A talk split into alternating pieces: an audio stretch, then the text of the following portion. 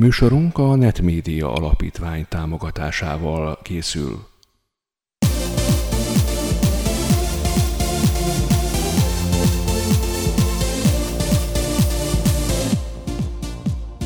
Esélyegyenlőségi magazin.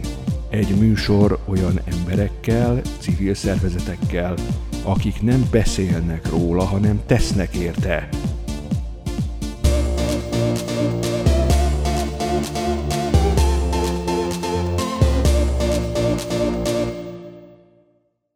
Második helyezett az Infoalap.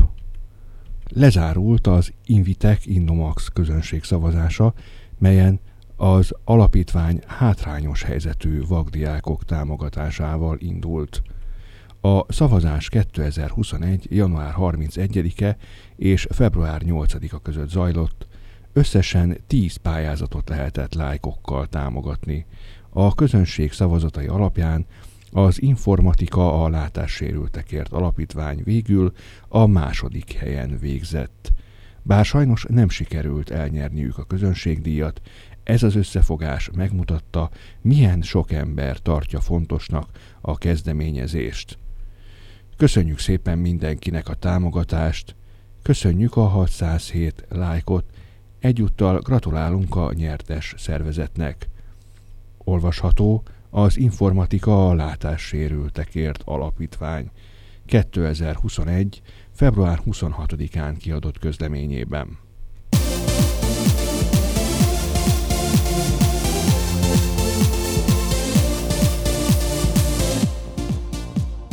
Esélyegyenlőségi magazin.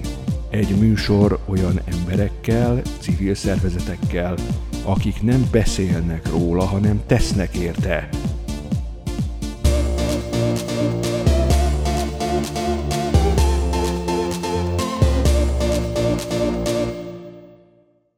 Így segíti látássérült utasait a Budapesti Közlekedési Központ.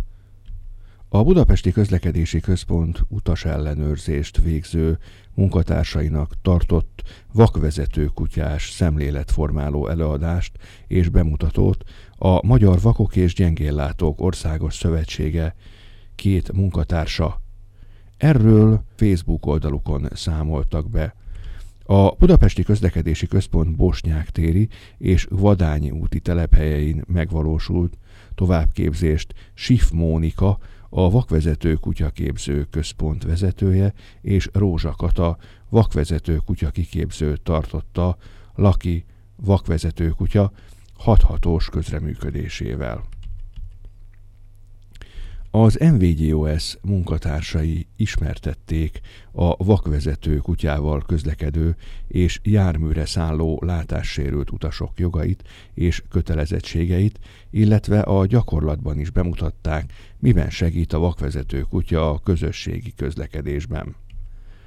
Laki örömmel végezte el a kiképzése során már alaposan begyakorolt feladatokat, így Katával együtt bemutatták többek között a járműre való felszállást, az ülőhely keresését és a helyes segítségnyújtást. A fegyelmezett és hibátlanul dolgozó, ugyanakkor csupa vidámság sárga labrador a program végére természetesen mindenkit levett a lábáról. A Budapesti Közlekedési Központ tanácsai az utazóknak.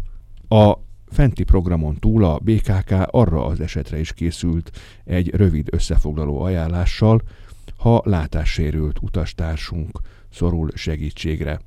Ehhez kapcsolódik a rövid összefoglaló és egy rövid videó, melyet a BKK Facebook oldalán tett közzé.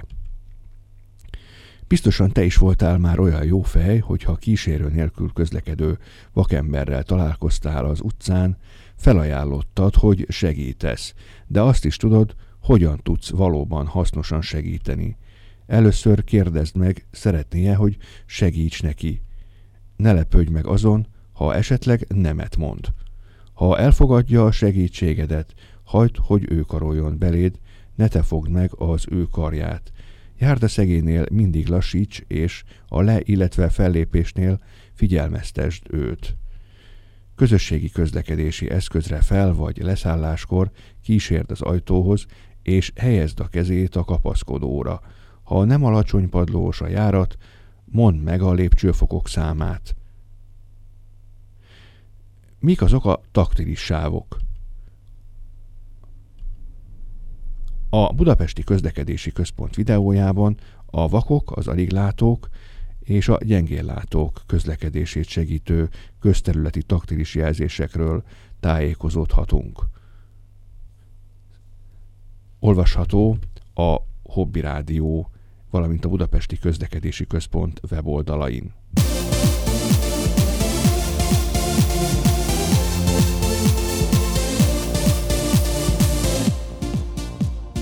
Esélyegyenlőségi magazin.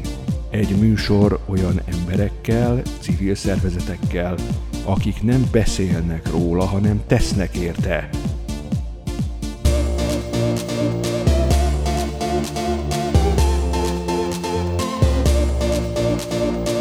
Műsorunk a Netmédia Alapítvány támogatásával készül.